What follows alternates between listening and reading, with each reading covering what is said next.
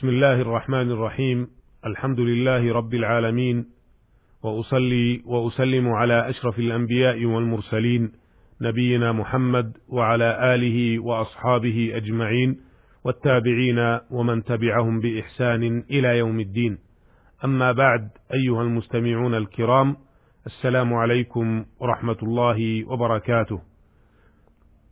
تحدثنا في الحلقة السابقة عما رواه الشيخان عن عبد الله بن عمر رضي الله عنهما أن رسول الله صلى الله عليه وسلم كان يسبح على ظهر راحلته حيث كان وجهه يومئ برأسه وكان ابن عمر يفعله وفي رواية كان يوتر على بعيره وفي رواية لمسلم غير أنه لا يصلي عليها المكتوبة وللبخاري إلا الفرائض.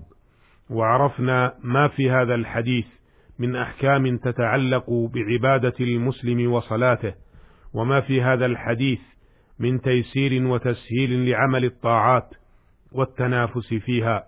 وفي هذه الحلقة نتحدث عما رواه الشيخان عن عبد الله بن عمر رضي الله عنهما أنه قال بينما الناس بقباء في صلاة الصبح إذ جاءهم آت فقال إن النبي صلى الله عليه وسلم قد أنزل عليه الليلة قرآن وقد أمر أن يستقبل الكعبة فاستقبلوها وكانت وجوههم إلى الشام فاستداروا إلى الكعبة. وروى الشيخان عن أنس بن سيرين أنه قال استقبلنا أنس رضي الله عنه حين قدم من الشام فلقيناه بعين التمر فرأيته يصلي على حمار ووجهه من ذا الجانب يعني عن يسار القبلة. فقلت رأيتك تصلي لغير القبلة. فقال لولا أني رأيت رسول الله صلى الله عليه وسلم يفعله ما فعلته. هذان حديثان عظيمان فيهما أحكام مهمة تتعلق بعبادة المسلم اليومية. وقد تعرضنا في الحلقة السابقة لبعض أحكام الحديث الثاني. وفي هذه الحلقة نقف مع الحديثين الوقفات الآتية. الوقفة الأولى. قوله بينما الناس بقباء. قباء يجوز فيه المد والصرف وهو الأشهر. ويجوز فيه القصر وعدم وعدم الصرف وهو موضع معروف في المدينة النبوية. والمراد هنا مسجد أهل قباء قاله الحافظ ابن حجر رحمه الله. قوله في صلاة الصبح المراد بها صلاة الفجر وقد وقع في حديث البراء بن عازب رضي الله عنهما أنهم كانوا في صلاة العصر. قال الحافظ ابن حجر رحمه الله والجواب أنه لا منافاة بين الخبرين لأن الخبر وصل وقت العصر إلى من هو داخل المدينة وهم بنو حارثة وذلك في حديث البراء والآتي إليهم بذلك عباد بن بشر أو ابن نهيك. ووصل الخبر وقت الصبح إلى من هو خارج المدينة وهم بنو عمرو بن عوف أهل قباء وذلك في حديث ابن عمر. قوله قد أنزل عليه الليلة قرآن. يقول الحافظ فيه إطلاق الليلة على بعض اليوم الماضي والليلة التي تليه مجازا. والتنكير في قوله قرآن لإرادة البعضية. والمراد قوله قد نرى تقلب وجهك في السماء. الآيات. الوقفة الثانية. يدل هذا الحديث على أن قبلة المسلمين في الصلاة أول الأمر إلى بيت المقدس ثم صرفت إلى الكعبة. وعليه فقبلة المسلمين استقرت على الكعبة المشرفة. روى البخاري وغيره عن البراء بن عازب رضي الله عنهما أنه قال كان رسول الله صلى الله عليه وسلم صلى نحو بيت المقدس ستة عشر أو سبعة عشر شهرا. وكان رسول الله صلى الله عليه وسلم يحب أن يوجه إلى الكعبة فأنزل الله قد نرى تقلب وجهك في السماء فتوجه نحو الكعبة وقال السفهاء من الناس وهم اليهود ما ولاهم عن قبلتهم التي كانوا عليها قل لله المشرق والمغرب يهدي من يشاء إلى صراط مستقيم. فصلى مع النبي صلى الله عليه وسلم رجل ثم خرج بعدما صلى فمر على قوم من الأنصار في صلاة العصر نحو بيت المقدس فقال هو يشهد أنه صلى مع رسول الله صلى الله عليه وسلم وأنه توجه نحو الكعبة فتحرف القوم حتى توجهوا نحو الكعبة.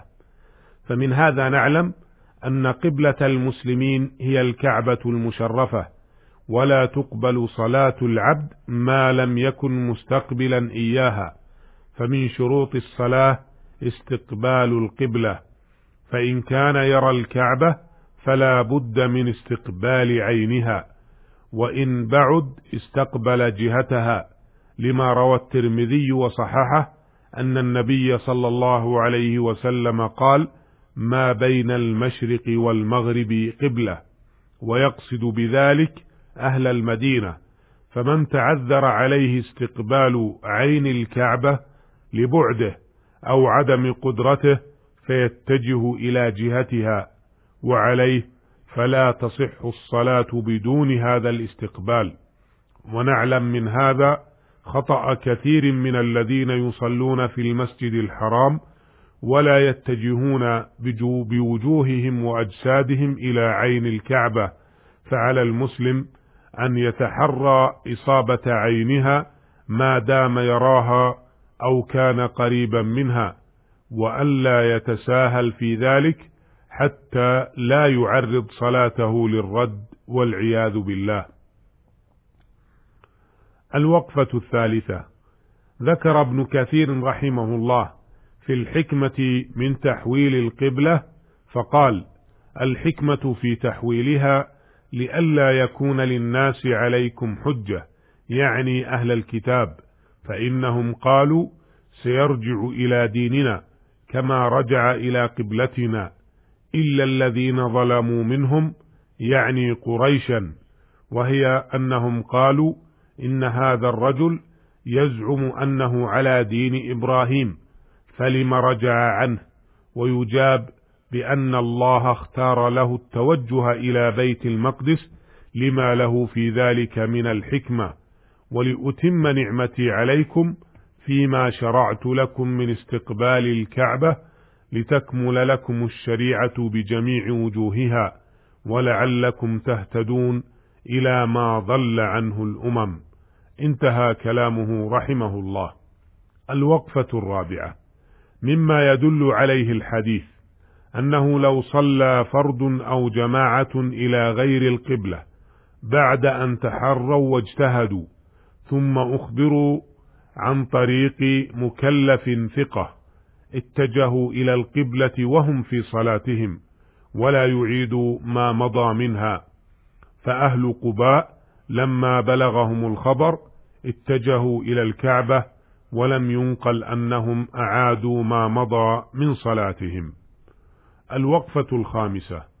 مما يدل عليه الحديث أيضا أن خبر الواحد الثقة يعمل به في العقائد والأحكام فهؤلاء الذين في مسجد قباء أخبرهم شخص واحد بأن القبلة تغيرت من بيت المقدس إلى الكعبة المشرفة وما دام أنه ثقة قبلوا الخبر وتحولوا في صلاتهم ولم يعيدوا ما مضى منها ولم ينكر عليهم الرسول صلى الله عليه وسلم فعلهم ذلك فدل على أنه يعمل بخبر الواحد ما دام أنه ثقة وهذا هو المقرر عند جمهور أهل العلم حتى ولو كان هذا الأمر في أمور العقائد ولم ينكر ذلك إلا طوائف من أهل الضلال يقول الحافظ ابن حجر رحمه الله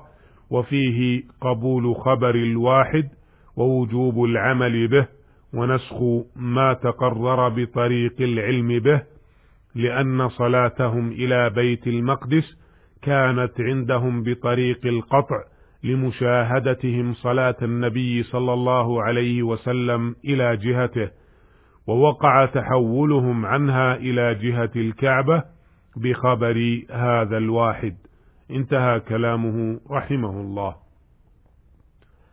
أيها المستمعون الكرام تحروا في عباداتكم واتجهوا إلى ربكم بقلوبكم كما تتجهون إلى الكعبة المشرفة بوجوهكم وأجسادكم وعلقوا شؤونكم به واربطوا تصرفاتكم بخالقكم وتجردوا من شوائب الدنيا ومتعلقاتها تفلحوا في الدنيا والآخرة.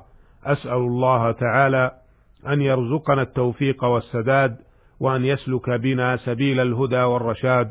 إنه سميع مجيب وهو المستعان. وإلى اللقاء. في الحلقة القادمة إن شاء الله. والسلام عليكم ورحمة الله وبركاته.